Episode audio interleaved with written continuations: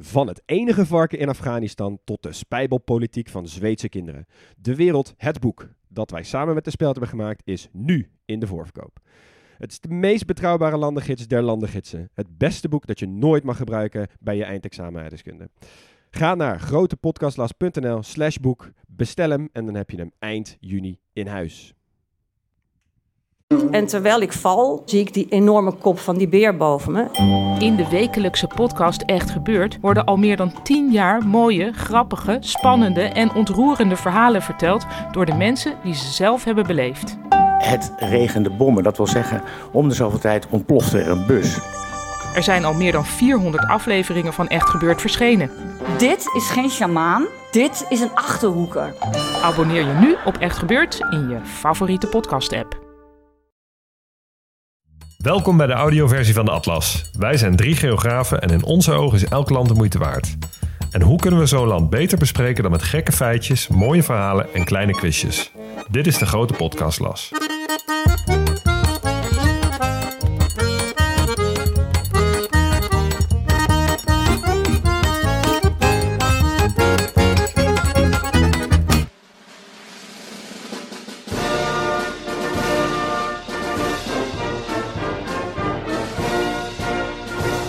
Welkom in Qatar. Dat krijgen Oranje supporters straks te horen, mits ze zich niet te veel gedragen als Oranje supporters. Dat hoorden trouwens ook de tienduizenden contractarbeiders uit Zuid-Azië voordat ze met gevaar voor eigen leven stadions begonnen te bouwen. Wie het ook te horen krijgen, de zakenpartners die helpen de Qatari helpen om een zuurverdiende geld zo internationaal mogelijk onder te brengen. Want er wordt goed verdiend in dit woestijnstaatje. En wie geld heeft, heeft vrienden. Toch? Nou ja, dat, dat blijkt wel. Ja. Maar, en dit is misschien wel de meest controversiële aflevering die we gaan opnemen, denk ik. in ieder geval denk- actueel en controversieel. Ik denk Ja. dat ze over een jaar echt de balans op moeten gaan maken. Of ze dan nog steeds die vrienden hebben waar ze op hopen. Ja, en als wij ooit nog een keer onverhoopt in die regio eh, komen, of wij dan na deze aflevering daar nog wel mogen komen, überhaupt. Ja. Ja, dat is ook de vraag. er worden nu superveel podcasts gemaakt. Allemaal afleveringen over Qatar. hè. Ik bedoel, iedereen heeft het er wel over. Qatar moeten we trouwens zeggen, volgens mij. Qatar. Officieel, ja. Vind, ik- vind ik wel lekker trouwens. Qatar. Ja. Maar eh, het is al het geweld van al die afleveringen die nu uitkomen. Wij gaan het niet superveel over voetbal hebben. Maar wel gewoon even dat hele landje duiden. Nou, Ja. zo groot is het niet. Dus dat moeten we wel kunnen doen. Zin in. Ja, Ja, zeker, ja. Het is best wel grappig om een beetje onderzoek te doen. Of grappig, het is moeilijk om onderzoek te doen naar een land wat zo in de spotlight staat. Maar eigenlijk om maar een paar specifieke redenen. Ja. Eh, en, als je, en dan ook nog eh, zeg maar gezellige muziek of zo, of leuke folklore dingen uit te trekken. Het voelt toch dubbel of zo. Maar goed, we gaan het gewoon proberen. Ja. Ze hebben vast een hele hoop moois. Alles wat de wereld mooi maakt. Ja. Dus daar gaan we even naar kijken. Maar we gaan eerst even wat vrienden van de show bedanken. ja, zeker. We hebben Fai, David Horvers en Chris. En Jeroen, Timo Wouters en Nico de Kort. Mensen, Welkom. veel dank. En inderdaad, welkom. En ik moet toch nog even iets kwijt over de vrienden van de show. Want ik vind het namelijk echt wel vet wat voor reacties van, eh, van mensen we allemaal krijgen. En eh, we hebben natuurlijk die hele lijst gemaakt met welke landen wil je nou precies dat we doen. Ik weet niet of eh, Qatar er ook op stond, want deze komt toch een beetje uit onze eigen koker. Maar ik vind het dus wel echt lekker dat we nu dus mensen hebben die ons op Instagram gewoon een berichtje sturen. We kregen er eentje. Eh, profielfoto was een zak aardappelen. De naam was een paar aardappelen emoji. En die zei, yo, gaan jullie ook eh, pitkern doen of niet? Wat heerlijk. Vind ik echt, vind ik echt lekker dat, dat onze luisteraars meer zin hebben in pitkern dan in Frankrijk. Of Ja, zo. heerlijk. Mooi. Hey, dan gaan we beginnen, jongens. We gaan, eh, we gaan weer praten over een landje op het Arabisch Schiereiland. En we hebben er eentje weer aan de Perzische Golf, net als de Verenigde Arabische Emiraten.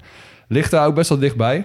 Dus je hebt het Schiereiland en natuurlijk is ook Saudi-Arabië de enige grens met Qatar. Ja, je kan zwaaien naar Iran, zeg maar, als je het water over zwaait. Ja, maar dan moet je wel hard zwaaien. Je kunt eerder zwaaien naar eh, de Hawar-eilanden. Die liggen dus naast Qatar, maar die horen bij Bahrein. Die liggen er echt super dichtbij. Oké. Nou ja, balen dat ze die eilanden niet hebben gekregen. Maar ik denk dat we daar nog wel wat meer over gaan, eh, gaan spreken. Jazeker. Dan hebben we de oppervlakte. En het is ongeveer een kwart zo groot als Nederland. Eh, net zo groot als een land met ook nog één grens. Gambia. Ja, Dat zijn ongeveer even groot. Nou, er wonen 3 miljoen mensen ongeveer in, eh, in Qatar... waarvan er 2,4 miljoen wonen in de hoofdstad Doha.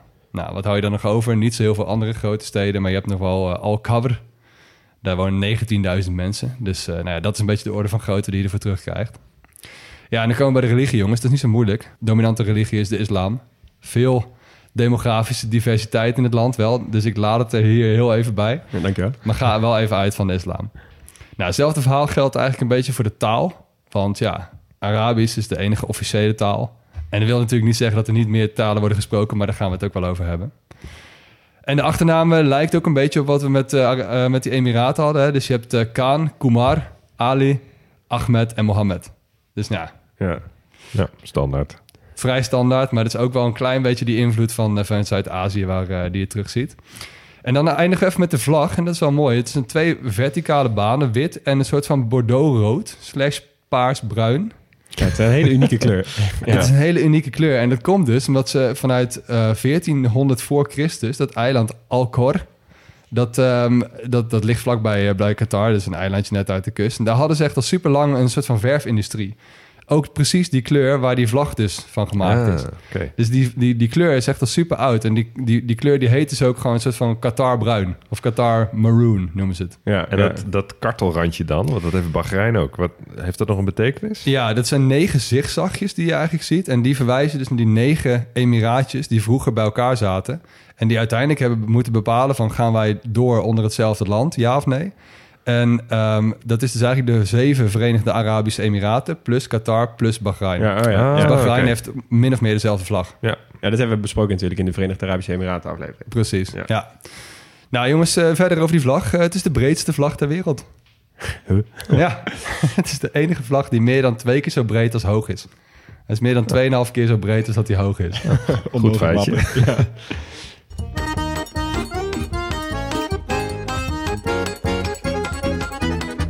Nou, Max, jij zei er wonen zo'n 3 miljoen mensen in Qatar. Dat klopt. Hoeveel daarvan denk je dat er eh Qatars burger zijn of Qatari? Ja, ik Ja. heb me hier redelijk in vergist bij die Emiraten. Dit is echt heel weinig. Ja, volgens mij ongeveer de stad Utrecht. Dus een paar Ja. honderdduizend. Ja, 300, ongeveer 310.000. Dus Ja. tussen de 310 en 320.000 10% mensen. ongeveer. 10%. De rest zijn allemaal expats. Nou, kom Qua hoofd van de bevolking staan ze ook echt helemaal bovenaan. Wat dat betreft. Best bijzonder, want zeg maar, als je geboren wordt in Qatar met Qatarse ouders, dan is het logisch dat je een Qatari wordt. Mhm. Maar ik heb even verdiept, oké, hè, vet van mensen, allemaal expats die ze in dat land eh, krijgen. Hoe word je nou een Qatari? Dat is echt, dat is niet te doen, hè? dat is onmogelijk, vriend. Dat Ja, is echt, je ik denk, moet, denk dat het ook wel een vraag is die heel veel mensen gego- gegoogeld hebben de afgelopen Dat jaren. denk ik ook wel. Maar ik denk ook wel dat mensen na het googlen meteen hebben opgegeven. Want je, moet dus, je moet moslim zijn of worden. Je moet vloeiend Arabisch kunnen spreken. Eh, je moet legaal ononderbroken in Qatar wonen voor 25 jaar. Met minder dan twee maanden eh, afwezigheidstoestemming per kalenderjaar, zoals ze dat noemen. Dus maximaal twee maanden per jaar mag je dus weg. Eh, je moet gewoon prima inkomsten en middelen en zo hebben. En je moet een, dit vind ik ook een hele bijzondere, een goede reputatie en karakter hebben. En geen overtuigingen met betrekking tot deugd of eer van iemand. Oh. Dus je En moet het helemaal op jezelf Wie doen. bepaalt dat? Ja, dat is dus ook nog eens eh, zo echt zoiets lijst. Volgens mij is uiteindelijk is het gewoon een emir die dat bepaalt. Hm. En je hebt gewoon een paar chefs eh, in, eh, in, eh, in Qatar. En die maken de dienst uit. Ja, en er zijn zo weinig mensen die hier aanspraak op kunnen maken... dat hij dat waarschijnlijk... Dat is, gewoon, dat is geen dagtaak voor hem. Dat is Nee. gewoon één keer in de maand kijkt hij die twee applicaties. en Ja, dan ik vraag me ook echt af voor hoeveel mensen dit dan geldt. Hoeveel mensen erin zijn geslaagd. Weet Ja, je wel, de echt, is ja. echt super weinig. Ja, echt weinig, denk ik. Ja. Nou goed, Eh, zeg maar los van alle moderne dingen die Qatar, die we straks ongetwijfeld gaan bespreken, is het eigenlijk best wel een tribaal land. Eh, het zijn allemaal familieclans. Er zijn ook allemaal heel mooie schema's online van allemaal hoe die familieclans onderling alle ministeries aan het verdelen zijn en zo. En helemaal aan het hoofd van die familieclans staat de allerbelangrijkste familie van dat land. En dat zijn de Altanis. Ehm, en zij hebben echt eh, alles in dat land. Eigenlijk sinds de 19e eeuw waren zij al de, de heersende familie. Eh, en ze hebben de afgelopen 45 jaar 18 tot 63 procent van alle ministeriële functies bekleed.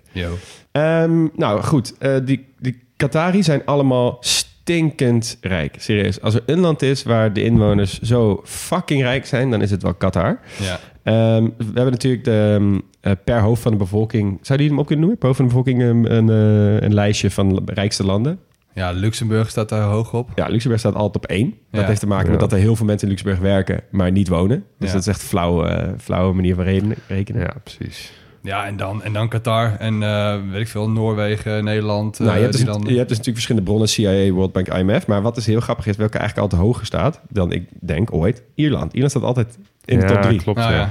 En maar, Singapore staat tweede en daarna staat Qatar. Hm. Dus, eh, maar eh, Qatari, die hebben het best wel goed voor zichzelf geregeld. Want weet je wat je allemaal gratis krijgt als je een inwoner bent van Qatar? Ik snap wel dat mensen dat Ja. willen worden. Gezondheidszorg, onderwijs. Nou, ik, ja, ik ga wel even door met het lijstje. Geld voor opvoeding van je kind, pensioenen, zwangerschapsverzekering, werkloosheidsuitkering. Allemaal verschillende soorten uitkeringen in huizen als jij iemand met een beperking bent. Maar je krijgt ook elektriciteit, gas en water heel, heel heftig gesubsidieerd. Waardoor je daar ook bijna niks voor betaalt. Ja, dus zijn de rijkste van de wereld ongeveer, maar ze hebben dat geld precies nergens voor nodig. Ja, en som- er zijn zelfs die krijgen gewoon zakgeld en huizen van de overheid. Ja. Ja, ja. Dus het enige verschil met de Emiraten was dat je daar ook best wel makkelijk gewoon land kan krijgen. Ja. Maar dat hebben ze in Qatar niet zo goed. Nee, nee, dat is best wel lastig. Ja. Nou, nu die andere kant dus van de medaille. De andere kant, nu die andere 2,7 miljoen mensen die in Qatar wonen. Dat zijn namelijk die expats. En daar wil ik het even wat langer over hebben. Want dat, daar is natuurlijk heel veel om te doen, dat sowieso. Nou, ehm, eh, Qatar staat dus ook per, eh, per hoofd van de bevolking de meeste expats. Ze hebben 88% expats in hun land. 88%, dat is niet, dat is echt ongelooflijk. Er wonen ook meer Indiërs en meer Bangladeshi en meer Nepalezen in Qatar dan Qatari. Nou goed, ehm, dan het hangijzer. Toch even benoemen, want het is wel echt belangrijk. Sinds de toewijzing van het WK voetbal is het inwoneraantal met 750.000 gestegen. Eh betekent wel dat er dus echt al heel veel expats in het land zaten. Ehm, en de man-vrouw ratio is ook vet scheef. Want er zijn dus voor elke vrouw drie mannen. Ja. Ja, dat komt natuurlijk door al die mannen die naar het buitenland gaan om te werken. Ja. Eh, en die expats die zijn dus gehaald om die groei van die steden van de afgelopen 20, 30 jaar een beetje zo te, ja, te, te helpen opbouwen, letterlijk. Omdat die Qatari doen dat zelf allemaal niet. Daarom heb je van die idioot grote gebouwen en al die stadions van het WK voetbal natuurlijk. Ja. Nou, die expats werden heel erg aan het werk gezet onder het zogenaamde kafala-systeem. Heb je daar iets over gelezen? Nee. Dat is echt best wel biggie. Maar dat is dus niet alleen, in, ehm, niet alleen hier in Qatar. Maar dat is dus ook de Verenigde Arabische Emiraten. Ook in eigenlijk alles oliestaatjes en gasstaatjes die heel snel zijn gegroeid. Die hebben een soort kafala-systeem. En dat betekent eigenlijk een soort sponsorschap. Wat het is, is een juridisch systeem waarbij gastarbeiders werken. eh, maar die hebben dan altijd één sponsor. En zij moeten dus altijd als ze binnenkomen een werkgever of iemand opgeven als hun sponsor. En daar moeten ze hun paspoort inleveren. En die personen bepalen voortaan wat zij doen. Oh, dus het is echt een soort Het is gewoon een soort slavernij. ja, een soort moderne slavernij inderdaad. Want ze hebben zelf nauwelijks rechten. Je mag nergens heen zonder je Dat noem je paspoort. dan sponsor, noem je dan Ja. je, je eigenaar Zo, eigenlijk. ja. Maar die dat mag is- dus ook alles bepalen wat jij doet. Precies. Maar die mag dus ook bepalen dat je eruit vliegt. Nou, sterker nog, jij moet, als jij in Qatar wil blijven, dan moet je werk hebben. Maar je kan geen ander werk zoeken, want als je je paspoort niet hebt of je sponsor laat het niet toe, dan moet je, ben je, zit je vast in die baan die je toen hebt gekozen. Hoe slecht Ja. je die baan ook vindt, anders moet je het land uit. En dat kan ook niet, want je hebt geen paspoort. Dus het is echt een heel verschrikkelijk systeem. Officieel is het in 2020 afgeschaft in Qatar, onder hoge druk natuurlijk, ook vanwege de WK-ding. Maar in de praktijk hoor je overal nog dat, het gewoon, eh, dat dit nog gewoon voorkomt. Ja. Eh, en wat ze hebben gebouwd, onder andere in de afgelopen 10, 20 jaar, is dus die zeven nieuwe voetbalstadions, een nieuwe luchthaven, allemaal verschillende nieuwe wegen, eh, metro eh, en vet veel allemaal hotels. En het echt zes, zeven dagen per week, soms eh, 10, 12 uur per dag. En dan met z'n 10, 20 weer slapen in een of ander hutje, soms in de woestijn. En dat zijn ook de redenen waarom er ook zoveel eh, expats en ook zoveel mensen zijn omgekomen. Dat is niet omdat ze van een gebouw afvielen of zo wat ze aan het maken zijn. Nee, dat heeft gewoon te maken met dat ze dus midden in de woestijn de hele dag moesten werken. En vervolgens Ja. 's nachts zijn gestorven aan, aan hartstilstand bijvoorbeeld. Klinkt een beetje als die, eh, die contractarbeid die eh, Groot-Brittannië op een gegeven moment ging doen. Ja, alleen dan 150 jaar geleden. Ja, nee, precies. Ja. Daarom dat toen de slavernij werd afgeschaft, dat ze dan wel een soort Ja. van verkapte versie hadden waarin ze dat wel door konden laten doen. Maar dan wel onder het mom van een soort van economisch contract. Ja. die mensen stonden dan op contract.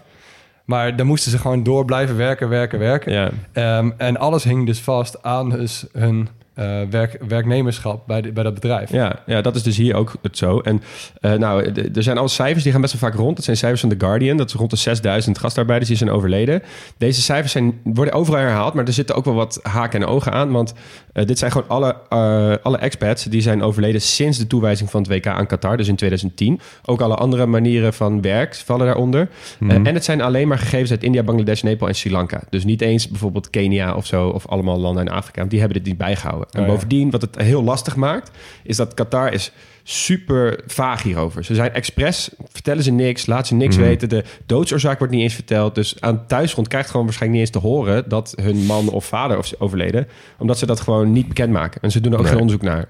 Dus die blijven dat maakt het echt verschrikkelijk. In eigen land. Ja, precies. Maar wat ik hier dus het lastige aan vind, ook een beetje tijdens het onderzoeken, ehm, is dat het, ik ben heel, ik, ik vind het heel goed dat het in Qatar onder zo'n vergrootglas ligt nu, hè, dat het heel duidelijk wordt. Maar het is in die de- landen daaromheen, die ook zo snel zijn gegroeid, echt niet heel anders hoor. Het is echt niet zeg maar in landen zoals de Verenigde Arabische Emiraten of in Saudi-Arabië. Daar worden ook gewoon mensen Daar zit, die zitten Ja. toch ook helemaal vol met Filipino's en Bengali en Indiërs en zo. Ja, dus zeg maar, het zou, het zou goed zijn als dit balletje wat nu is gaan rollen rondom dit onderwerp ook bij die landen wat meer onder Ja. de aandacht wordt gebracht. En dat ze misschien ook zo'n kafale systeem daar af zouden schaffen, zeg maar. Ja, Maar hoge bomen. Misschien moeten, zij, eh, moeten we een keer het WK gunnen aan Saudi-Arabië of zo. Dan kunnen we daar onder, eh, onder een vergrootglas. je zegt. Komt daar ook tenminste een keer aandacht voor. Precies.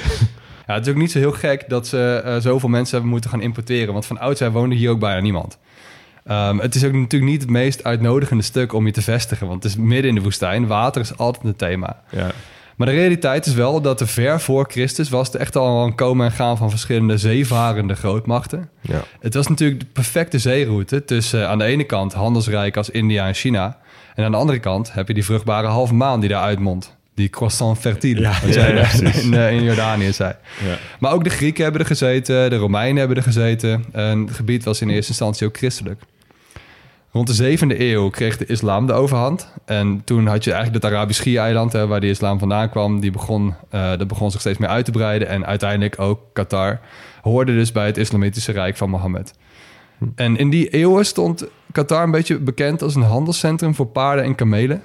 Maar wel echt met een duidelijke blik naar de kust. Want ja, Schiereiland. Ja. ja. En dat ging allemaal via de traditionele Arabische visserschepen. En weet je nu waar ik het over heb? Over de Douw. Ja, de Ja. Douwes. Ja. We hebben het er nog nooit over gehad, maar bij de Emiraten zag je dat ook wel. Dat Ja. zijn van die hele kenmerkende schepen met van die Ja. waaierachtige grote zeilen. Ja, Daar ook precies. best wel een attractie. En ik ken ze ook bijvoorbeeld ook vanuit eh, Zanzibar. Zie je ze ook wel veel. ja, je ziet ze ook wel eens in eh megalomane gebouwen.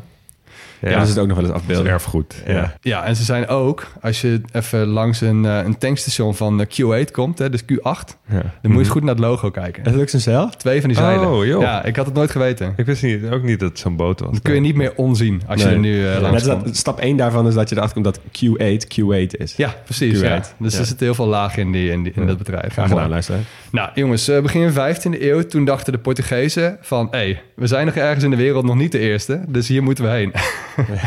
dus die vestigden zich in Bahrein. Eh, wat je trouwens ziet, is dat de geschiedenis van Bahrein en eh, Qatar een beetje eh, gelijk verlopen. Hmm. Ligt naast elkaar ongeveer dezelfde geschiedenis. Maar ehm, die Portugezen die bouwden forten, vooral in de straat van Hormuz. Hè, dat is het meest smalle stukje van die Perzische golf. Ja. Ehm, maar uiteindelijk mengden ook de Britten zich in de strijd. En die, die begonnen hun handelsrelaties eigenlijk steeds meer uit te breiden in de golf. En die kregen ook wat politieke invloed. En in die tijd ehm, gaven ze dus ook die familie Tani de grote, de grote macht. Dus zij maakten die, die familie ook wel de, de macht hebben gedaan. Ja, de Britten Ja, die oh, hebben dat gedaan. ja, en dus eh Tani bin Mohammed was hun leider. Die werd echt aangewezen de leider van Qatar.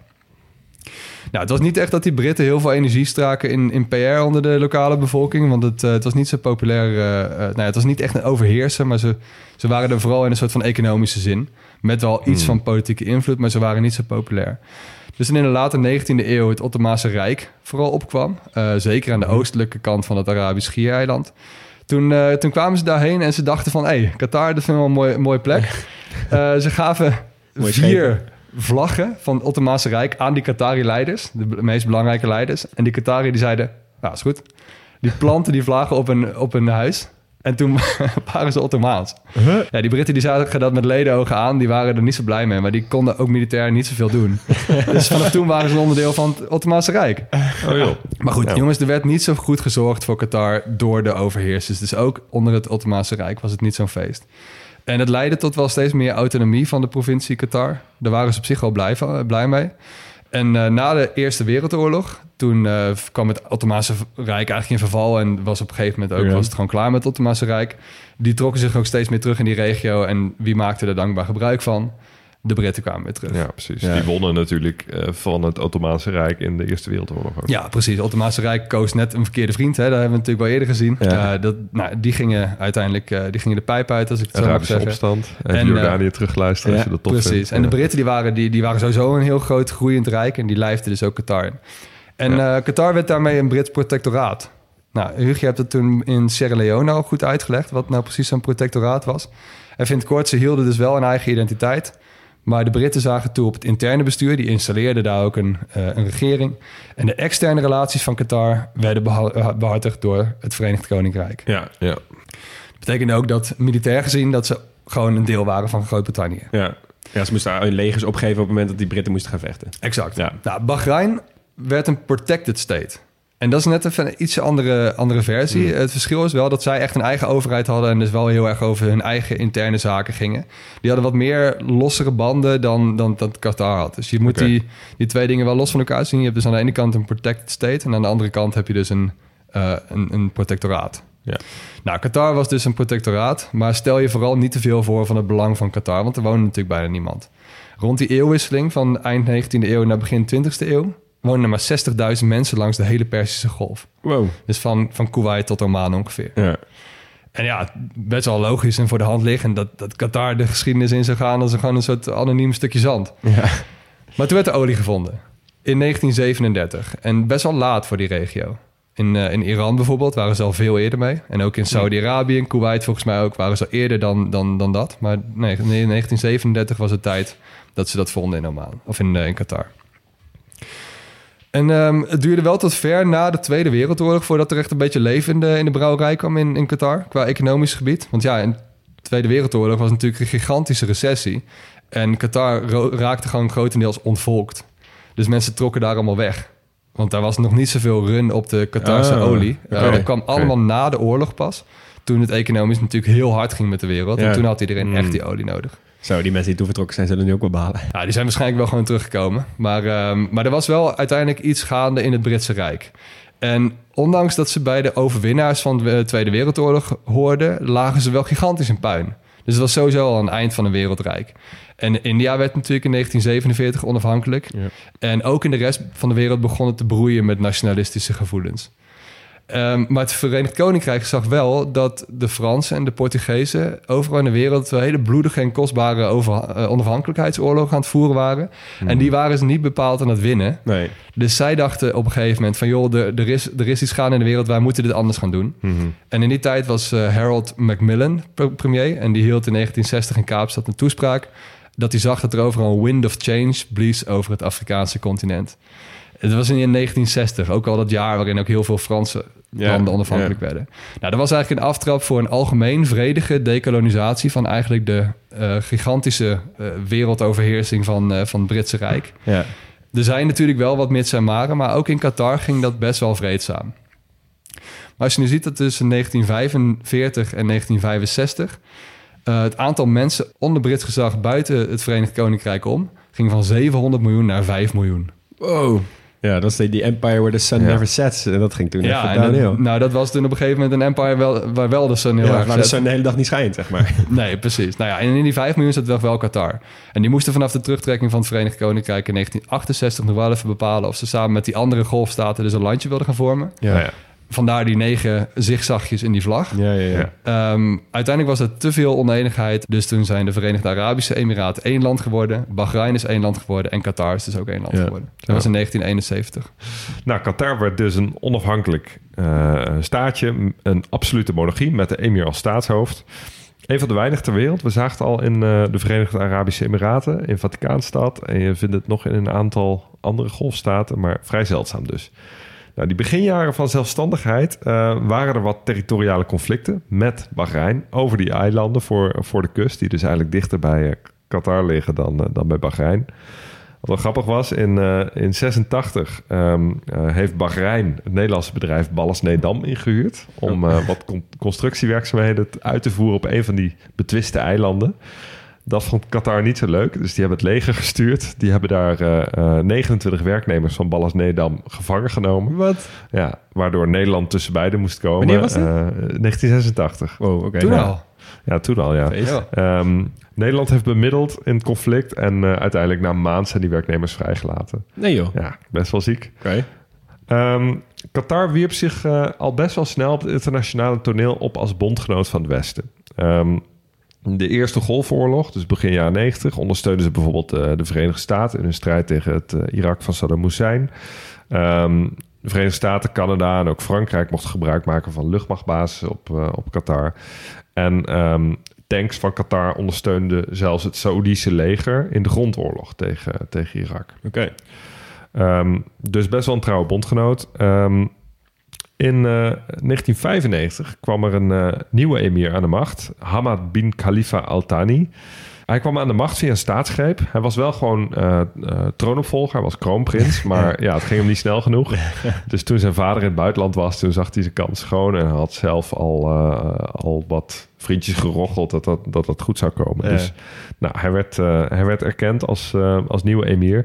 En hij voerde eh, wel een iets progressievere koer- koers dan zijn voorgangers. Ehm, stimuleerde die onderwijs, die gezondheidszorg, dat het allemaal gratis werd. Dat is allemaal, komt uit zijn koker. En hij richtte ook bijvoorbeeld Al Jazeera op, een nieuwsnetwerk... dat ook in het Westen echt wel wordt beschouwd als, als modern, betrouwbaar, betrouwbare nieuwszender. Vrouwen mochten voortaan stemmen in de ja, weinige verkiezingen die er, die er dan waren. Ehm, en er kwam zelfs een nieuwe grondwet... die officieel een einde maakte aan de absolute monarchie. Eh, Qatar is nu een soort semi-constitutionele monarchie. Ehm, Op papier. eh, ja, op papier. Er kwam namelijk een, eh, een parlement met 45 zetels... waarvan 15 door de emir werden aangesteld... en 30 direct door het volk gekozen. Ehm, de invoering ervan die werd echt jarenlang uitgesteld... en eh, is uiteindelijk in 2021 onder de huidige emir... Tamam bin Hamad Al Thani... eh, is het zover gekomen. En eh, zijn er voor het eerst parlementsverkiezingen gehouden. En die gelden natuurlijk, of tenminste, daar ga ik dan even vanuit, maar wel voor die 11% mensen die dus daadwerkelijk Qatariërs. Ja, zeker. Geldt natuurlijk inderdaad echt alleen maar voor de, voor de Qatarese bevolking. En het is ook een beetje een wassen neus. Want eh, pas bij een tweederde meerderheid in het parlement... kan de premier op het matje worden geroepen.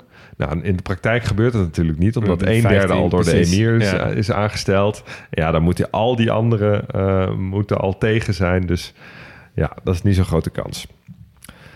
In de tussentijd is de positie van Qatar op het internationale eh, toneel ook wel een hele interessante. We zeiden al dat je hierover zou beginnen. ja, het is, eh, eh, we zeiden al, ze zijn goede maatjes eh, van het Westen sinds de jaren negentig eigenlijk al. En het is altijd fijn om de wereldpolitiek in te kunnen delen in twee kampen. Ja. Maar dat is in Qatar nogal lastig. Ehm, het is dus een bondgenoot van het Westen. Ehm, ook het eerste land op het Arabisch Schiereiland dat handelsrelaties met Israël begon. Dus ook vrij bijzonder. Ehm, ondanks banden met Hamas en Hezbollah die ze hadden. Oké. Oh ja. Palestijnse tegenstanders van Israël. Of Ja. in ieder geval Hamas. Zeker. En ja, Hezbollah ook wel. En ondanks het feit dat ze ook goede contacten onderhouden met Iran. Ja. Dus dat, dat botst al eigenlijk een beetje. En ehm, die banden met Iran die maken ze dan weer niet zo populair bij andere Arabische landen. Vooral niet bij grote buur Saudi-Arabië. Ja. Precies. Aardsvijand van, eh, van Iran. Hè? Saudi-Arabië Soenitisch, eh, eh, Iran Shiïtisch. Ehm, maar zeker niet omdat Qatar tijdens de Arabische lente eh, op, de, op de meeste plekken de kant van de opstandelingen koos. Dus Qatar is een hele grote financier geweest van eh, rebellen in Egypte, in Syrië, Ja. eh, op al die plekken waar, waar de, de oude regimes aan het wankelen waren. Ja. Een van de belangrijkste was het moslimbroederschap in Egypte. Daar hebben ze heel veel voor betekend. En nou, dat, dat vonden de Ara- andere Ara- Arabische landen ook niet zo, niet zo prettig. Nou, Qatar had niet alleen financieel een vinger in de pap in de Arabische lente, maar ook eh, flink wat invloed met Al Jazeera. Dat nieuwsstation, wat dus was opgericht door, eh, door de emir. Ehm, eh, ja, dat was natuurlijk heel groot in het Midden-Oosten. Deed eigenlijk kon beter verslag doen van die hele toestanden dan westerse media dat konden. Ehm, en ja, kon eigenlijk daardoor ook verslag doen van misstanden die de oude regimes beginnen. En dat bekendmaken bij het grote publiek. Ja, dat verhaal van Al Jazeera is eigenlijk sowieso best uniek.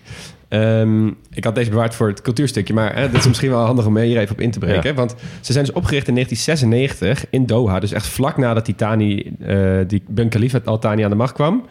Eh, en hij zei meteen vanaf het begin: Oké, we gaan het helemaal anders doen dan alle andere zenders die jullie kennen. We gaan onafhankelijk opereren. Ik wil absoluut geen staatspropaganda. Niemand heeft meer zin om te zien dat met wie ik handjes schud en met wie ik thee drink. Eh, jullie mogen doen wat je wil. Van mij heb je een vrijbrief, zeg maar. Zolang het allemaal gewoon wel binnen de perken blijft van nou, fatsoenlijke Ja. televisie. Ja.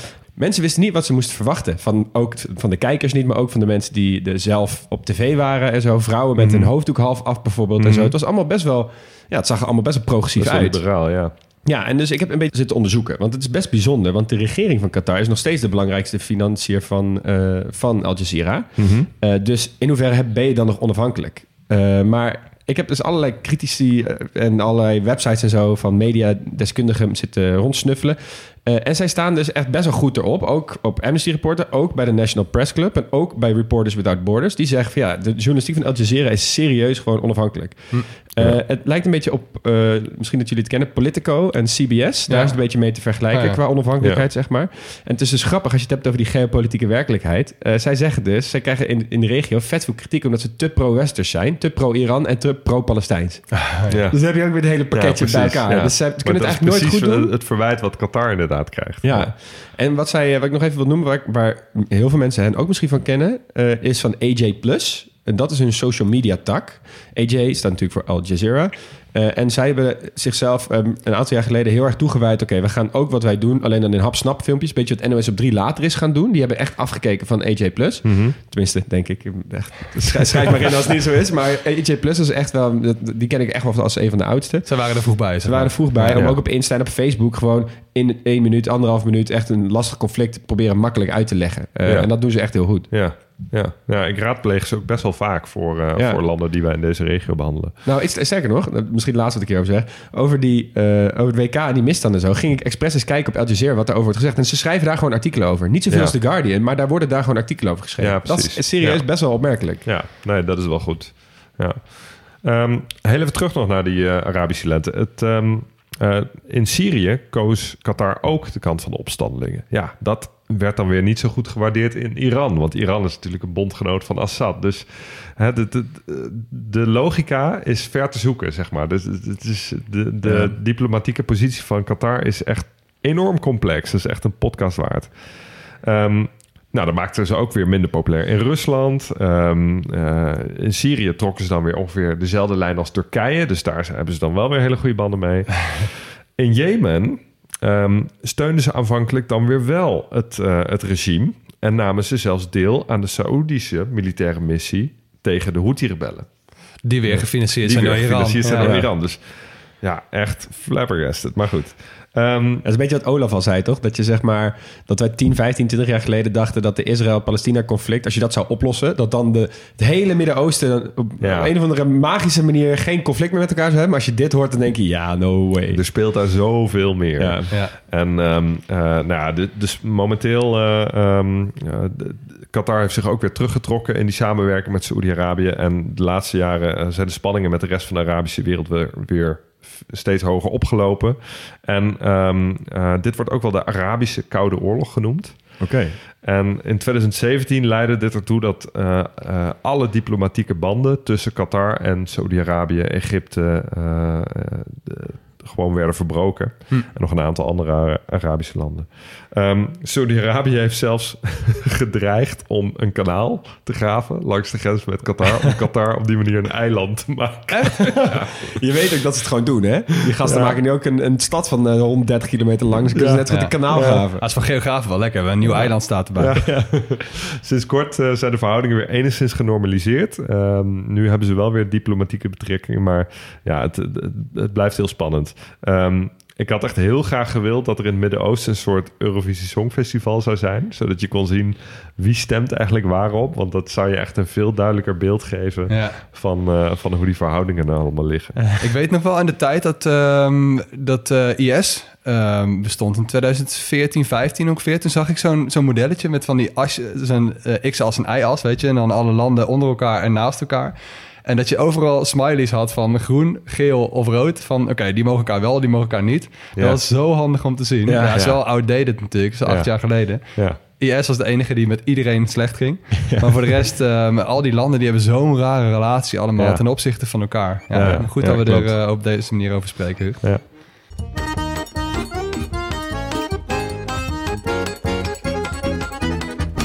Eh, nou jongens, het land eh, Qatar. nou, eh, ik denk dat het zeg maar qua ehm fysische geografie net zo interessant ongeveer is als Denemarken. Want het is daar gewoon overal... Het is gewoon één grote vlakke laaggele- laaggelegen woestijn. Het is het één na vlakste land ter wereld, las ik. Ja, eh, je hebt niks. Je hebt heuvels tot ongeveer 40 meter. Het hoogste heuvel is de Abu al-Bavr. Die is 103. Dat is het hoogste punt van het land. 103 meter. Nou, prima. Eh, je hebt eh, wat sapkat. Dat is echt, daar komt ook overal terug. Ehm, dat zijn een soort eh, ja, oude zoutvlaktes. Dat is, dat is dan een zak. Dus waar vroeger dat oceaan was en nu niet meer. Dan heb je nu van die, van die mooie ondergronden. Eh, het is nu heel droog en heel zout. Ja, ja, that's it. Daar heb je het nu ook over bij gebrek aan andere dingen. Ja, echt. Ja. ja, ze hebben 560 kilometer kustlijn. Die overigens best wel vet eruit ziet. Maar dat weten ze natuurlijk allemaal wel echt heel goed in beeld te brengen. Met hun Visit Qatar eh, toerisme campagnes. Eh, en de grens met Saudi-Arabië is 60 kilometer lang. Dus hè, die, die grachten die ze dan kunnen, dat, daar zijn ze nog wel even bezig. Er zijn geen rivieren en er zijn geen meren. Nou, Nou, klaar. Ehm, wat ze wel hebben, is eh, best wel veel leuke diertjes. Ze hebben woestijn, van die typische woestijndieren, weet je wel. Van die muizen en die slangen en van die, van die oryxjes. Oh, ja. Nou, die oryx is precies. Dat is best wel een vet beest. Eh, dat is gewoon een eh, ja, soort kleine antiloop. En het is ook meteen het nationale dier van Qatar. Het heeft he- hele rechte hoorns. Twee soort supergrote Ja. rechte hoorns. En een hele mooie witte vlek. Het is een soort bruin beest met een heel mooie witte vlek op zijn Echt een mooi hoofd. beest. Echt een heel mooi beest om te zien. Ehm, gaat niet heel best met de oryx. Ehm, maar inmiddels eh, zijn ze... In de jaren 80 zijn ze toen opnieuw uitgezet. En nu gaat het weer op zich soort van oké is. Maar er waren er ooit heel veel. Maar die waren allemaal geslacht. Onder andere door de Britten. En weet je waarom? Die Britten kwamen dan thuis met horens van die oryx. En dan zeiden ze... Dit zijn horens van eenhoorns. Ja hoor. Daarom werden ze dus allemaal geslacht. Oh, joh. Me? Ja. Eh, wat ze dus daar ook hebben en wat heel populair is... is het allersnelste dier van de wereld. Wat is het allersnelste dier van de wereld? Ik dacht dat dat een uh, jachtluipaard Ja, dat was. dacht ik ook. Nee, Wat, niet een valk of zo. absoluut een valk. Oh ja? Oh, joh. De Ja. slechtvalk. Mag je raden hoe hard er een meting is gedaan... bij een afgerichte slechtvalk die in Ah, duikvlucht in zat? duikvlucht, ja. Zo, Hoeveel nou. kilometer per uur, denk je? Ja, honderden, denk ik. En Hoe is het gok? Mm, Dat is lastig, hè? 200. 200? Ik doe 201. Dat is 389 kilometer per uur. Oei. Nou, Dat halen Formule 1-auto's niet. nee, dat is zo'n zo'n Chinese bullet train. Ja. Dat is toch Dat- insane? Een vogel. dat is insane. Ja, maar goed, Ja. dat is de snelste dier eh, op aarde. Maar is ook heel belangrijk, de valk. Ze hebben verschillende soorten valken. Eh, al echt, eh, back in the day werd dat geassocieerd met nobel en rijkdom natuurlijk. Hè. Je kent die beelden wel van die, van die gasten met die tulbanden en dan zo'n valk op hun, op hun Mm. hand. Nou, vroeger deden ze dat dus om, om eten en zo te krijgen, maar dus ook een soort statusdier. Eh, en ze, ze worden al eeuwenlang vereerd, ook in die hele regio. Eh, wist je dat de Arabische taal meer dan 1500 termen heeft voor, eh, voor valken en valkerij en valkenier en zo? Ja, ze zijn er wel fanatiek, hè? Ze zijn er wel fanatiek, ja. Ze werden traditioneel ingezet door Bedouinen. Ook echt nu, waar nu Qatar is, zeg maar. om hun magere woestijndieet aan te vullen met vlees. Dus kleine hapjes van muizen en andere vogels en dat soort dingen. Nou, wat, wat ik best wel lijp vind, is je hebt dus ook de Falcon Hospital. De Soek Wakif Falcon Hospital. Ehm, dat is een hevig gesubsidieerd ziekenhuis voor valken. Dus je betaalt daar helemaal niks als je valk iets nodig heeft. Dus je kan, ze hebben daar allemaal extra veren die ze in een valk zetten. Ze repareren zeg maar, gebroken vleugels, eh, allemaal dat soort dingen. Eh, ze hebben allemaal röntgenscans en zo. Echt heel heftig. Ehm, maar je betaalt echt helemaal niks. Nee, eh, je hebt ook nog de Valkensoek, oftewel de Valkenmarkt. Eh, daar verkopen ze valken die niet heel goedkoop zijn. Eh, sterker nog, vorig jaar werd er nog een valk van meer dan 50.000 euro verkocht. En dus hebben ook drie, meer dan 3000 Qatari hebben een valk. Ja, die mensen gaan helemaal lijp op valken. Nou goed, eh, en dan nog even afsluitend één dingetje eh, waar Qatar natuurlijk heel bekend om staat. Waar ik, ik denk ik een heel logisch bruggetje kan maken naar jou straks, Max. Namelijk, eh, Qatar heeft de derde grootste hoeveelheid gasreserve in de wereld. Na welke landen denken jullie? De VS? Saudi-Arabië. Nee, Rusland. niet. Rusland, één, Ja. uiteraard. En tweede is eh, Iran. Dat is dezelfde bubbel. Oh ja, Oh. oké, tof. Eh, nou, en hoe, wat is nou eigenlijk aardgas? Hoe vormt het zich nou? Eh, dat ontstaat op natuurlijke wijze in de loop van eigenlijk honderden miljoenen jaren. Wanneer lagen van ontbindende planten en dieren een beetje zo naar de bodem van de oceaan zakken en worden blootgesteld aan de hitte van de aarde. En daar komt er weer laagje op laagje op laagje op. En eigenlijk door die intense druk op een gegeven moment veranderde in miljoenen en miljoenen jaren verandert het eh, in eigenlijk drie verschillende dingen: steenkool, aardolie en aardgas. Nou, eh, aardgas, dat is dus wat, hè, dat gas waar nu zoveel om te doen is. Dat bestaat eigenlijk voor nou, ongeveer 60, 70 tot 90 procent uit methaan. En methaan ken je dan weer als een van de drie broeikasgassen... die grotendeels verantwoordelijk zijn voor de opwarming van de aarde. Die ook weer uit de scheten van koeien komen. Die ook weer uit het scheten van koeien komen, ja. Wat zijn de andere twee? Wat zijn de, zeg maar, de drie belangrijkste broeikasgassen? Ja, CO2 dan? CO2 is echt grotendeels de grootste. Eh, methaan en lach, eh, Lachgas. lachgas. Oh, lachgas. Ja, lachgas is het inderdaad. Die stikstofmonoxide, officieel. Weet je? Nou, tenslotte, je kan aardgas ook nog... eh, want dat is nu het hele idee met die politieke situatie. Hè? Want er loopt geen pijplijn van Qatar naar Nederland. Dus hoe krijg je nou gas uit Qatar? Dat kan dus als je methaan tot 162 graden onder nul brengt... dan wordt het vloeibaar. En dan Ah, kan je dus in zo'n schip proppen. Dat is dus eh, LNG, zeg maar. LNG inderdaad, ja. Ja. Liquefied Natural Gas. Ja. En dan wordt het echt een duizendste van de grootte. En dan kan je het gewoon in zo'n, in zo'n container stoppen. En dan kan je het varen naar Europa. Oké. Ja, tof. Nou, we moeten dit toch een keer gaan doen, hè? We hebben zoveel olie- en gaslanden. Dus ik ben blij dat we in ieder geval nu even een beetje een theoretische basis hebben. Dan Ja. kunnen we daarop doorpakken in de komende landen. Mooi. Ja, want eh, ja, die economie, jongens, eh, we winnen er ook gewoon geen doekjes om. Die draait wel heel erg om de fossiele brandstoffen. Dus ehm, als Qatar die ezel wil worden, die zich dus niet twee keer stoot aan dezelfde steen, dan moeten ze wel hard hun best gaan doen. Ja.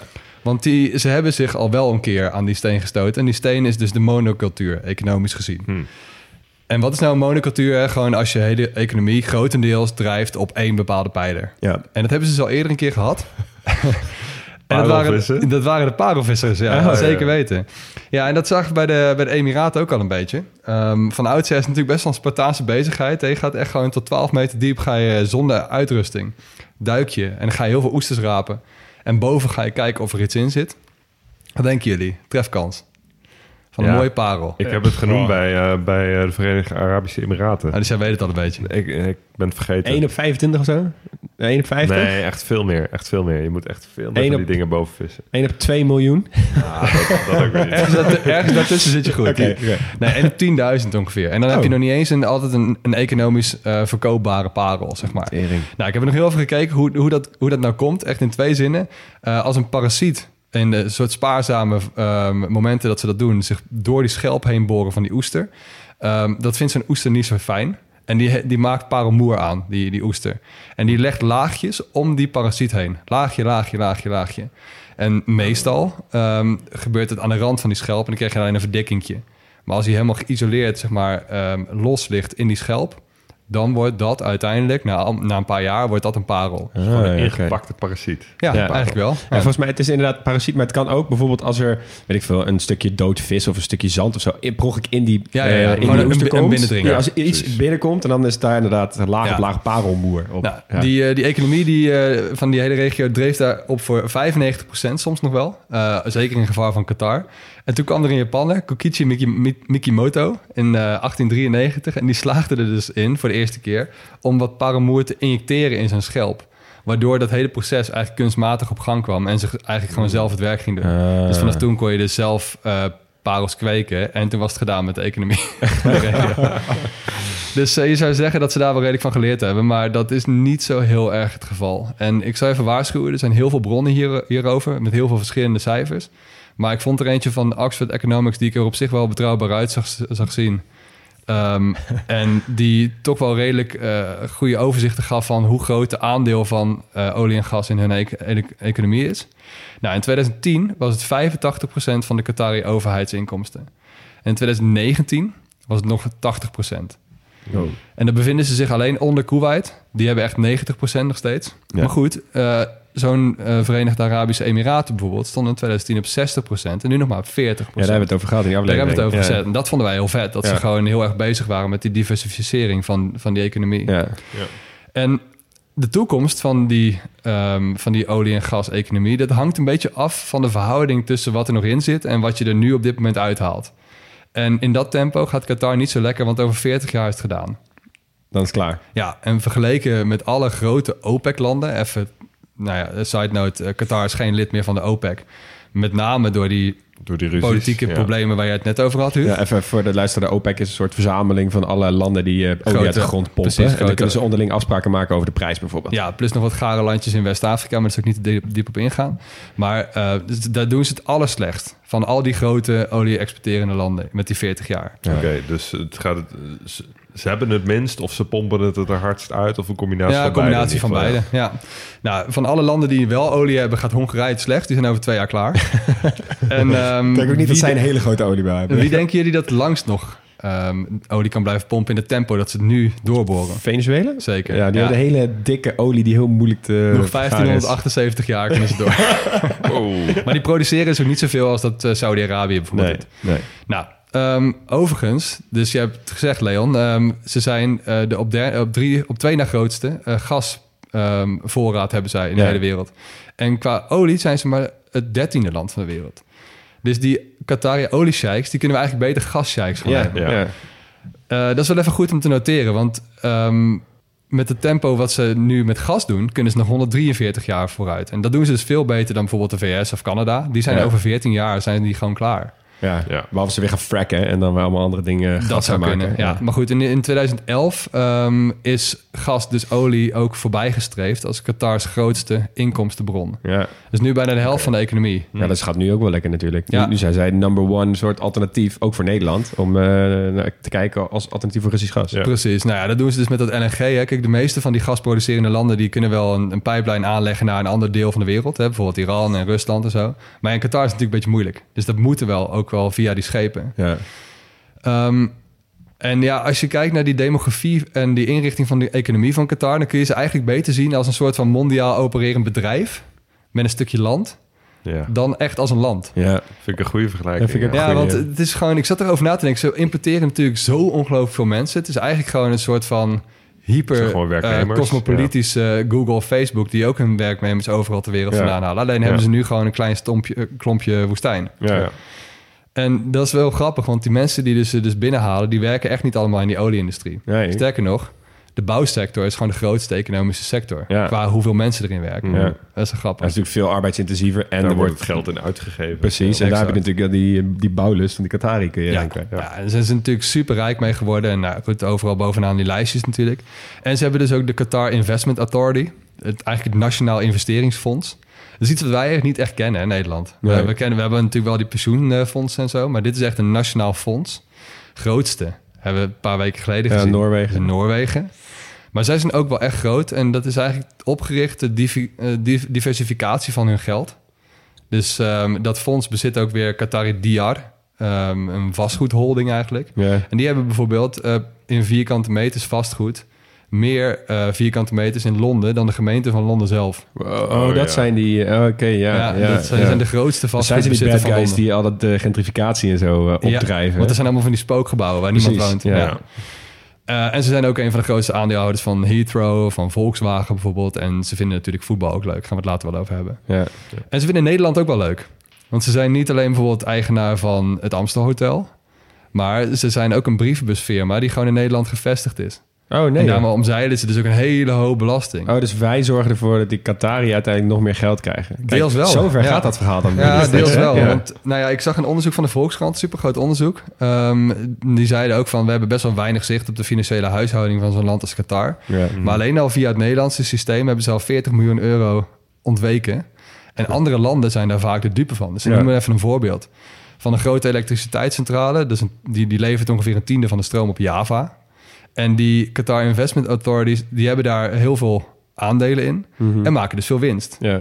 Ja. Maar normaal rekent Indonesië 10% aan dividendbelasting voor externe bedrijven, dus uit andere landen. En met Nederland hebben ze dus weer een verdrag dat maar 5% is. Ja, ja, dus En daarom zitten zij Indonesië hier loopt het- als- Ah, als. Nederlandse firma, ja. Precies, dus Indonesië loopt hierdoor dus ook super veel geld mis. Ja, Ja. terwijl zij kunnen het echt wel meer gebruiken en beter gebruiken dan die Qatari. Ja, precies. Nou, daar heb ik nog even twee feitjes, jongens. eh, een minder leuke en een leuke. Dan mag jullie zeggen waar we mee eindigen. Minder leuk. Eh, leuke eindigen we mee. Eerst Oké, minder leuk. eerst minder leuk. Nou, Qatar is de werelds grootste uitstoter van CO2 per hoofd van de bevolking. Zo, ja. En we hebben dit natuurlijk eerder gezegd. Het is natuurlijk wel een beetje flauw. Maar dat, ja. Want je maakt dus ook heel veel energie voor de rest van de wereld. Ja. Nou hebben ze best op zich een redelijk exorbitante levensstijl. Maar ehm, in de jaren 70 bijvoorbeeld stond Curaçao ook tweede van de wereld. Wow. Oh ja, maar de die Isla. natuurlijk ook... Ja, Ja, en die is nu gesloten. En De daarmee Isla? zijn ze ook gekelderd. Ja, de Isla is die grote raffinaderij op Curaçao. Oh, oké. Wist ik niet. Dus die is nu gesloten. En dan kelderen ze dus meteen ook op dat lijstje. Ja. Daarom is Qatar hoogste. En de leukste, jongens... eh, Doha heeft ook zo'n kunstmatig landproject. De Pearl. Eh, ja. pa- Het is een soort parelketting. En het mooie is, deze is wel een stuk succesvoller dan die van Dubai. Ja? Want eh, de enige geslaagde op Dubai, de Palm Jumeirah, daar wonen 10.000 mensen. Hier wonen gewoon 30.000 mensen. Nee joh. Dat is gewoon een geslaagd project. Oké. Oké. ja. ja, het staat ook echt vol daar. Als je, ja, sowieso goed om even op Google Maps op Doha in te zoomen. Ja. Echt, eh, nou, dan zie je wat er allemaal gebeurd is.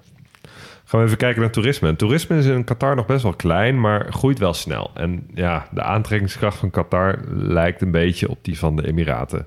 Eh, dus eh, luxe resorts, wolkenkrabbers, pretparken, musea, malls, sportwedstrijden. En hier en daar een oud fort of een, eh, een mooie moskee of zo. Ehm, en ik neem jullie even mee op een eh, kort reisje door het land. Oké. In. Ehm, Om te beginnen, goede kans dat je aankomt met een vlucht van Qatar Airways. Want uh, ja, weer zo'n maatschappij die uh, met, met staatsgeld um, heel snel is gegroeid. Net als Emirates, Saudia bijvoorbeeld en Etihad. Het wordt ook beschouwd als een van de beste maatschappijen ter wereld. En het vliegveld van Doha wordt ook gezien als een van de beste vliegvelden ter wereld. En eigenlijk krijg je op dat vliegveld meteen al een beetje een aardige indruk van hoe de rest van Qatar is. Nee, ze hebben sowieso al die, die, die kleur die jij net omschreef bij de vlag. Daar, daar hebben ze die hoedjes ook altijd van. Ja. Die, je herkent die outfit van hun altijd super erg. Dus van, weet de, je, van die Airways. Van die Airways, ja. ja. Dus je weet nu, oh ja, dat komt door die kleur die daar dus al eeuwen oud is. En die Oryx, die staat op de staart natuurlijk. Kijk. Met zijn horens. Ja. nee, maar dat, dat vliegveld, dat is um, ja, super indrukwekkende architectuur. Hele luxe uitstraling. Veel aandacht voor entertainment en voor kunst. Uh, er staat bijvoorbeeld in de terminal een enorm bronzen beeld van een knuffelbeer van 7 meter hoog. Wat? Ja. ja. En brandschoon is het ook altijd in die, in die ja. luchthavens. Ja, ja, ja, inderdaad. Ja, mensen hebben echt een fascinatie voor alles blijven poetsen, blijven poetsen, blijven poetsen. Alles moet glimmen. Ja. Nou, wat kun je doen? Uh, begin even buiten Doha, helemaal in het noorden. Daar ligt aan de kust het uh, Al Zubara fort. Uh, dat is een tamelijk nieuw fort, gebouwd in 1938. Maar um, ja, enorm indrukwekkend. En het is ook het enige gebouw wat op, het wereld, op de werelderfgoedlijst staat in Qatar. Okay. Um, ja, de Qatari doen er dus ook van alles aan om dit fort tip-top te onderhouden. Als je afbeeldingen ziet, denk je... oh, is dit gisteren gebouwd? Ja, ja zo in de wereld van Forte is het ook wel een soort van gisteren gebouwd. Ik bedoel, 1938 Dat is ook wel zo. Per se ja, nee, klopt. Goed punt. Um, in het binnenland kun je op woestijnsafari. Dus daar kun je op een kameel rijden of op een quad of een jeep of, uh, of zoiets. Maar voor de rest van de activiteiten zit je toch al best wel snel in Doha. Uh, zelfs de meeste resorts die liggen in of om Doha. Um, in Doha zelf kun je het goed doen natuurlijk aan, uh, aan moderne malls. Maar um, er zijn ook nog een aantal oude markten. Uh, jij noemde al de, de Valkensoek, dus de Valkenmarkt. Uh, dat is een bekende.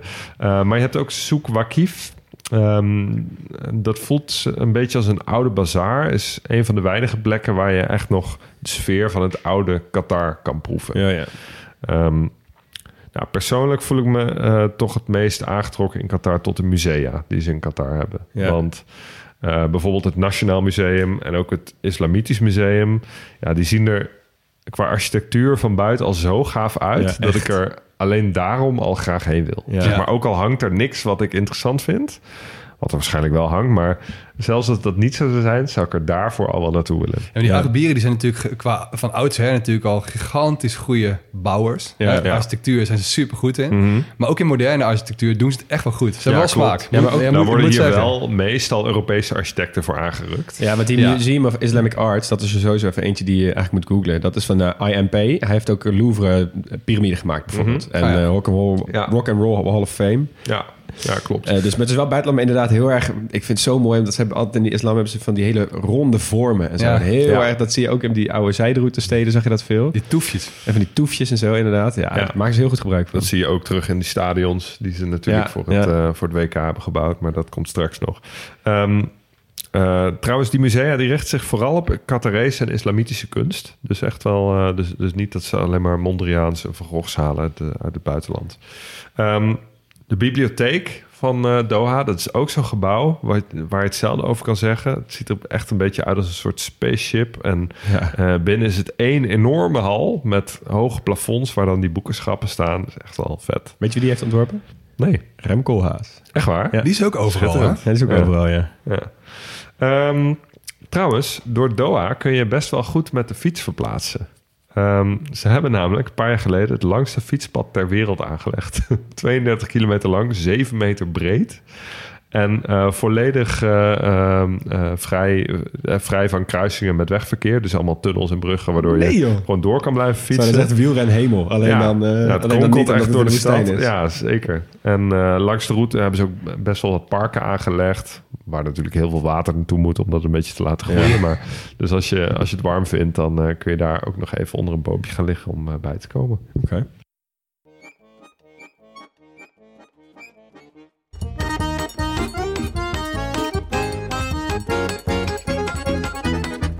Nou, Huug, jij hebt de hele golfbanen voor mijn voeten weggemaaid. Want ik, had, ik wilde het over Al Jazeera hebben, heb je al genoemd. Ik wilde het over die, eh, over die architectuur hebben, dat heb je al genoemd. Nou goed, Sorry dan man. gaan we verder met, eh, met iets wat natuurlijk ook heel leuk is. Namelijk de muziek. Ah, ehm, ik ben sowieso best wel fan. Ik weet, Max, jij ook, van een beetje Arabische tonen in de muziek. Ja. Uh, Bedouinen ook bijvoorbeeld. Daar komen we ongetwijfeld later nog een keertje goed op terug.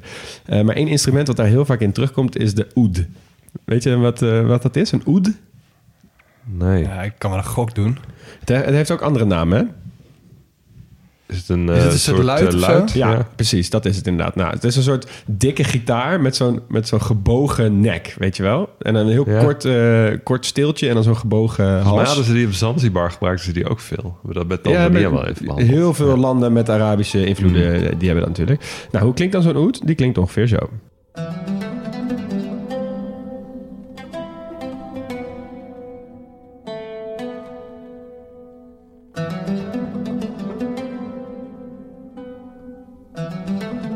Ik heb hier toch altijd wel een zwak voor. Ja, maar ik vind het ook heel mooi. ik Ja. moet zeggen, ik luister ook best wel een beetje de, de, de moderne variant. Dat ze er gewoon een beat onder zetten. Dan, Ja. is, dan kun je echt heel lang luisteren dit. Zeker, ja. Een, een- van de stijlen waar het dus veel in voorkomt is de Khaliji-muziek. Dat betekent de golfmuziek. Eh, ik weet niet of dat is vanwege het gaat op en neer golven... of dat het uit- daadwerkelijk uit de golf komt. Maar het komt in ieder geval wel uit eh, die regio's, Oost-Arabië eh, en eh, ook eh Persische Golf. Eh, en het wordt eh, traditioneel gekenmerkt door heel veel gebruik van eh, eh, allemaal instrumenten... die we later waarschijnlijk allemaal nog gaan horen, zoals de rebab en de oud. En heel veel snaarinstrumenten, maar ook bijvoorbeeld de viool en een haban. Dat is een soort doedelzak. Die hebben natuurlijk een heel andere ontwikkeling doorgemaakt in de afgelopen eeuwen qua muziekinstrumenten. Dus dan krijg je veel, echt heel andere muziek, heel vet. Heel veel percussie ook. Ehm, en een hele populaire Khaliji-artiest uit Qatar is Fahad Kubaisi.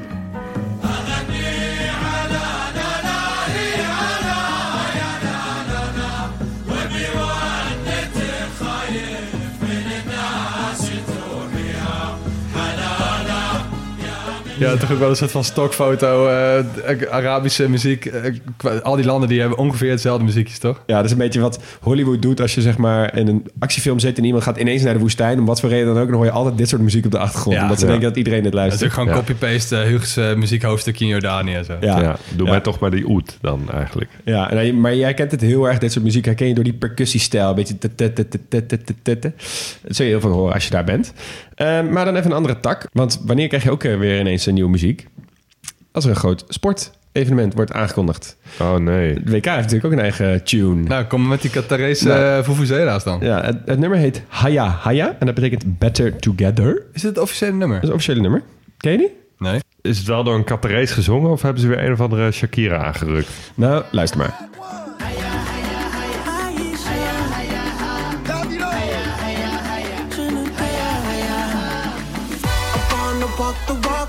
Street. I wanna ball, I've been through hell to my feet. Nou, Ja. wel catchy op zich. Ja, catchy, maar ik bedoel... Hoor je hierin dat het in een Arabisch land is, wordt gehouden? Nee. Nee. Eh, nee, alleen, alleen dat Haya Haya. Het is dus eh, door Trinidad Cardona, Davido en Aisha. Ehm, wel roots in de regio. Maar het is niet eh, dat je echt denkt... wauw, dit is heel, eh, heel kenmerkend voor... Het is gewoon heel erg poppy, toch? Ja, klopt. Wel redelijk inwisselbaar. Ja, heel erg inwisselbaar. Nou, het grappige is dus... Of grappige, er is dus ook nog, nog een andere variant uitgekomen. Ik weet niet precies waarom. Maar misschien omdat ze dat wel vaker doen of zo. Alternatiefje? Ehm, en dit is, dit is ook de official soundtrack. En Oh. dit is van... Dit nummer heet Arbo.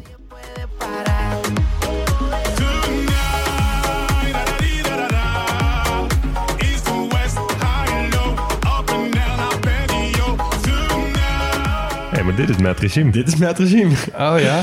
Maar ik vind het echt veel beter al. Dit is echt fantastisch. Ik ben Ja. een heel groot fan van dit nummer. Ehm, dus met Met Regime en Ozuna. En het is uitgekomen dat we nog 100 dagen hadden tot eh, de start van het eh, WK. Oh. Maar hij gaat wel lekker hoor. Dat nummer wordt ook best wel veel bekeken. En eh, ja, het is best catchy. Ja, ik vind het wel redelijk ironisch dat ze gewoon een nummer hebben dat Arbo heet.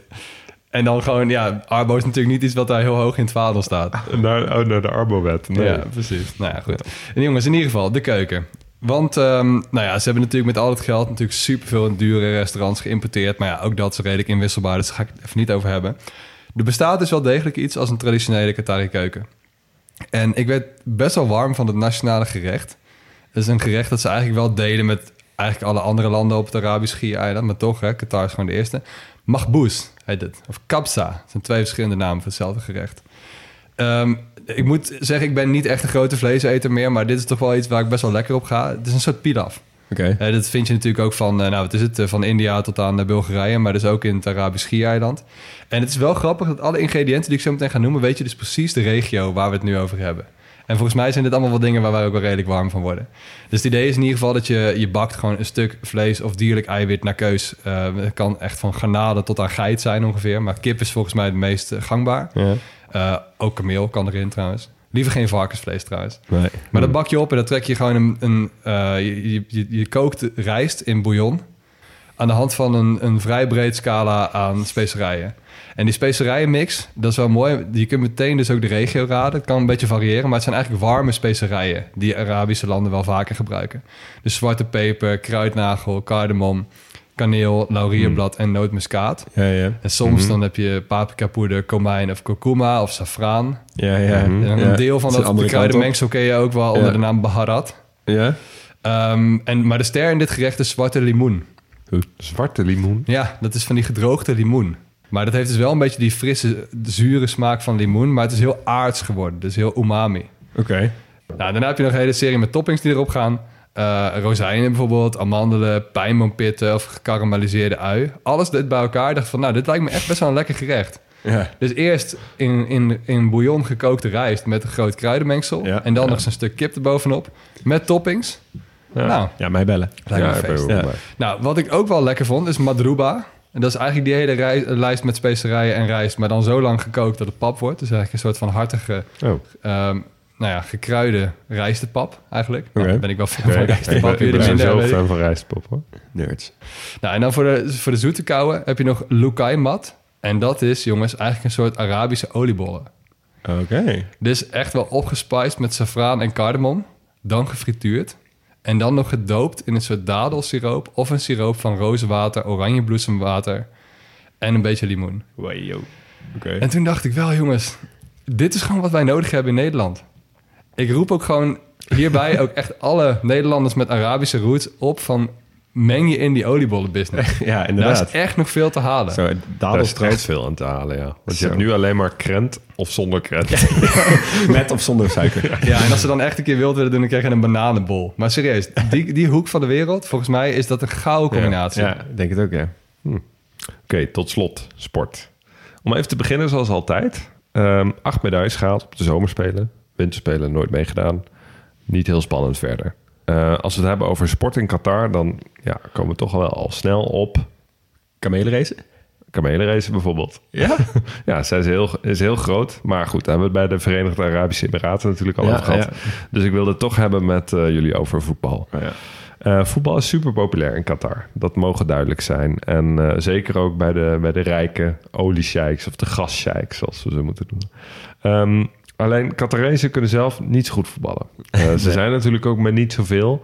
En eh, ze hebben geen lange, grote voetbaltraditie. Dus wat doe je dan? Dan ehm, haal je heel veel buitenlandse voetballers naar Qatar. Ja. Waardoor de, eh, de binnenlandse voetbalcompetitie eigenlijk best een aardig niveau heeft gekregen.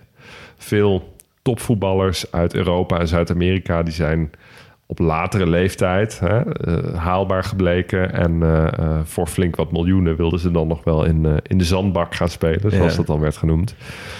Xavi, Guardiola, Raúl, eh James Rodriguez, Batistuta, Alderwereld, De Jong, Eto'o, Desailly, Sneijder, eh, Ronald de Boer, Juninho, Mandzukic. Nou ja, ga zo maar verder. Ja. Ja. Super veel topvoetballers zijn daar geëindigd. Wat ik altijd echt best wel gaar vind in, in die lijstjes... is dat je dan zo'n selectie ziet van zo'n elftal.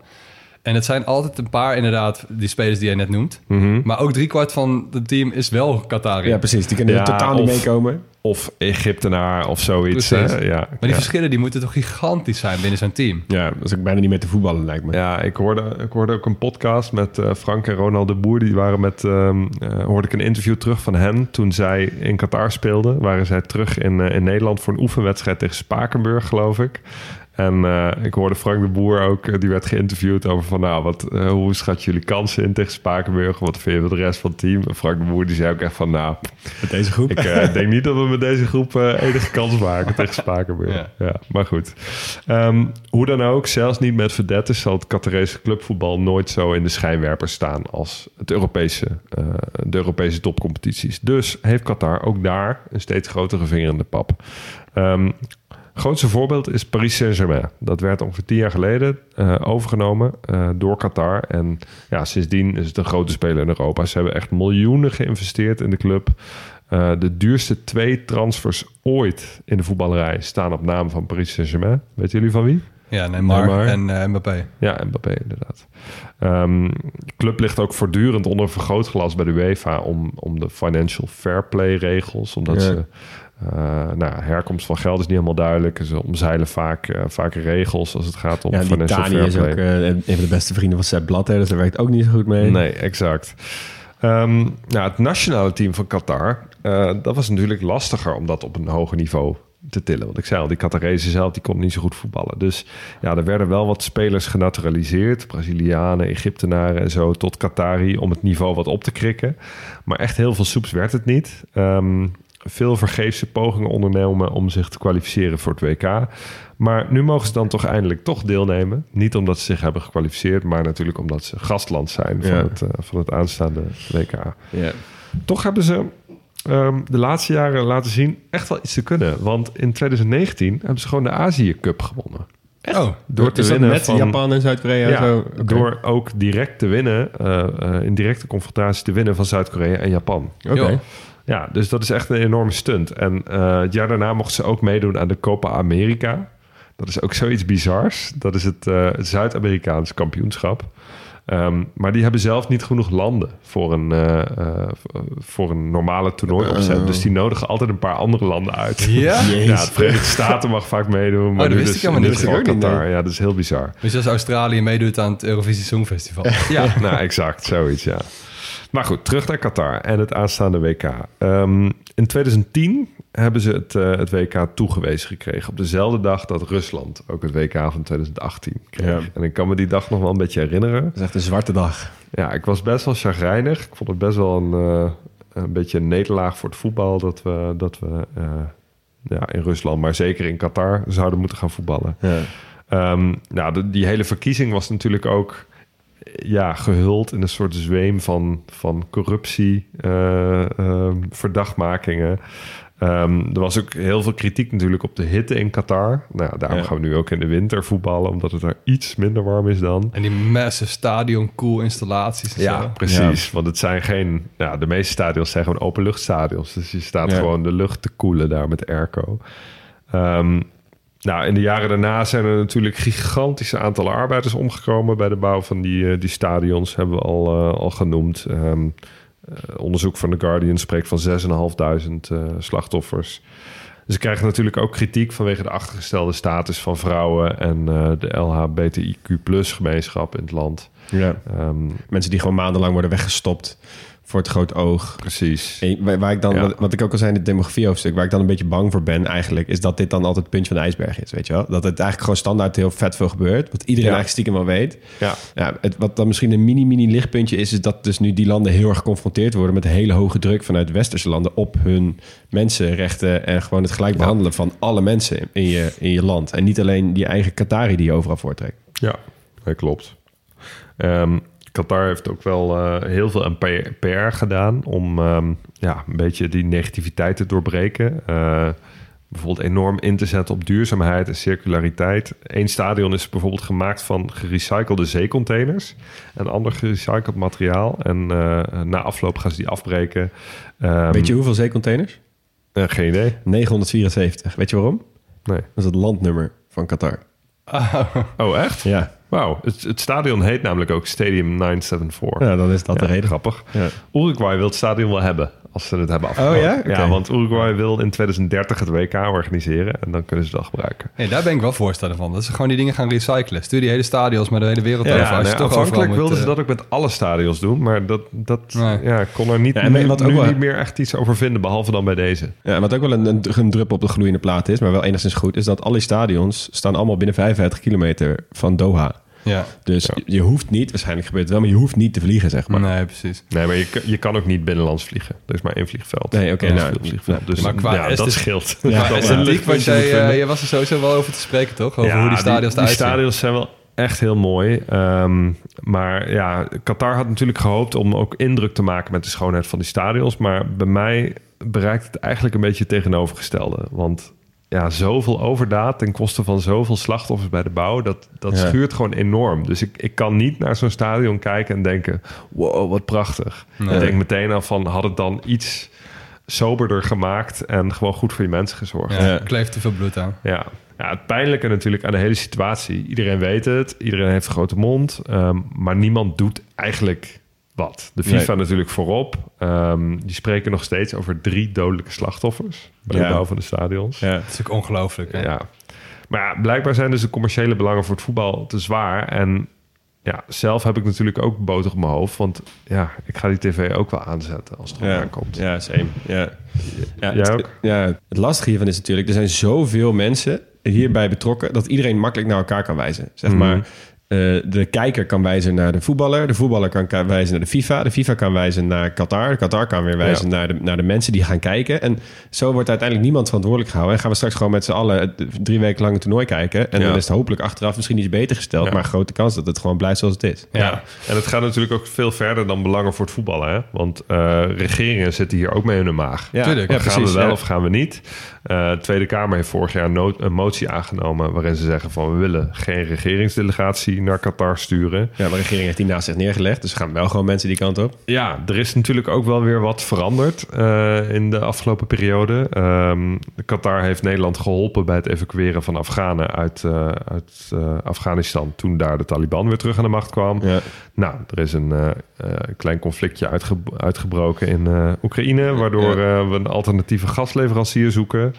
Dus Ja. ja, Maar het is wel wel heel ingewikkeld. dat dit soort grote thema's ehm, opspelen bij het gaan of niet gaan naar een WK voetbal. Ja, het zou, Ja. dat zou tegen WK dat voetbal eigenlijk zou het geen moeten issue zijn. moeten zijn. Nee, En los van het feit dat je, eh, bedoel, het is wel lekker om een, een WK te hebben in een land met een voetbalcultuur. En waar je daadwerkelijk mensen op de tribunes hebt die daar vandaan komen en die het allemaal tof vinden. En nou vinden die Qatari het ook allemaal wel tof, dat begrijp ik ook wel. Maar die stadions die zijn misschien maar drie, vier keer zo groot als dat de Qatari in Qatar wonen. Ja. ja. Dat soort dingen, het, blijft heel gek. Precies, voetbal zou En- wat dat betreft echt een feestje moeten zijn van de mensen naar wie het toe gaat. Ik weet nog toen dat WK in Japan en Zuid-Korea, dat die Japanners na de wedstrijd met z'n allen massaal het stadion gingen opruimen. Dat iedereen Ja. zat, wow. En die Fufuzela's in Zuid-Afrika, dat Ja. al die Afrikanen, die, tenminste, er was natuurlijk ook, zit ook het een en ander aan op te merken. Maar nu heb je helemaal niks. Gewoon Nee. nul, nul Nee. voetbalcultuur. En dan kun je je inderdaad afvragen. Ik bedoel, jij zei net inderdaad, Hugo, van ik heb ook boter op mijn hoofd. Van, ehm, heb je dat echt als je dat WK gaat kijken? Ik bedoel, ja, je wil ook gewoon iemand die wil gewoon een pot voetbal wil kijken... en tegen wil en dank dat toernooi toch gaat kijken. ja. Kun je diegene verantwoordelijk houden voor het feit dat... dat nee, verantwoordelijk niet. Maar eigenlijk zou je ook zelf dat statement willen maken... waarvan je hoopt dat bijvoorbeeld je regering dat doet. Zeker, Maar nalaat. ja. Ja. Ja, of dat is gewoon de FIFA in eerste instantie niet dat toernooi aan Qatar toewijst. Nee, dat is natuurlijk ook Dat weer is een verhaal ook- apart. Ja, inderdaad. Ehm, ja, het stom is ook dat ehm, eh, die misstanden niet zijn opgehouden... met het voltooien van de bouw van die stadions. Want eh, er zijn onlangs ook weer duizenden gastarbeiders uit huis gezet... die in de buurt van stadions woonden... en op plekken waar veel voetbalfans eh, komen... ehm, om ze zeg maar een beetje uit het straatbeeld, aan het straatbeeld te onttrekken. Dat, dat, dat is natuurlijk niet het beeld wat je wil laten zien. Ehm, ook in het nieuws dat Nederlandse fans op kosten van Qatar eh, mogen komen kijken. Als ze er maar positief berichten op sociale media over Ja. toernooien en over Qatar. ja. Ja, best wel bizar. Ja, en dat dat is eigenlijk gewoon omkoping. Ja, zeker. Ja, nou goed.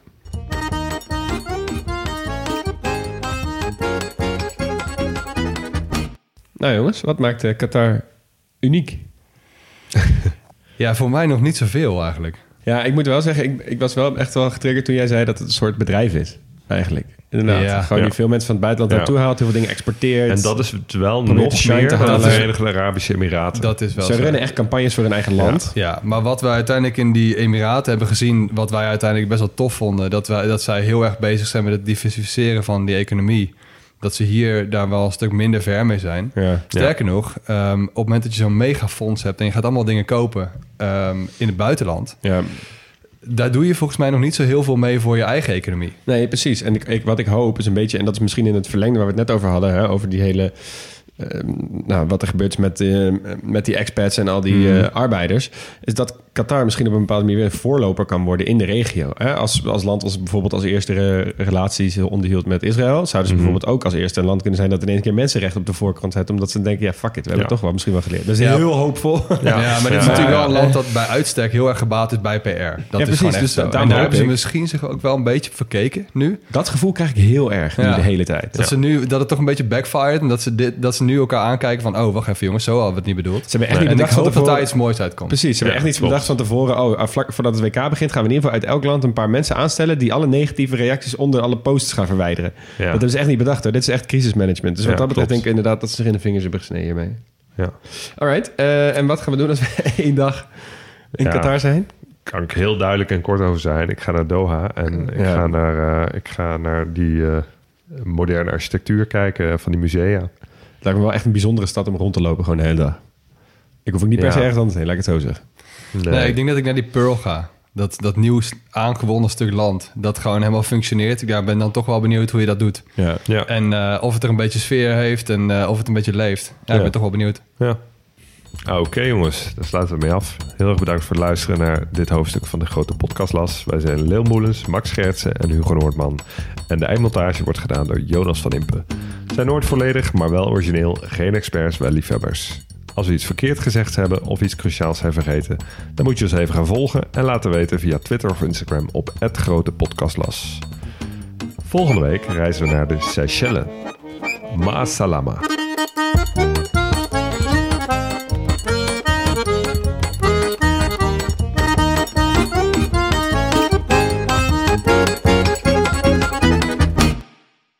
Luisteraar. Luister je nog steeds? Klasse, man. Je hebt er gewoon helemaal afgeluisterd. Nou, nu je tot hier bent gekomen, koop dan ook gelijk even ons boek, hè. grotepodcastlas.nl slash boek. Doei!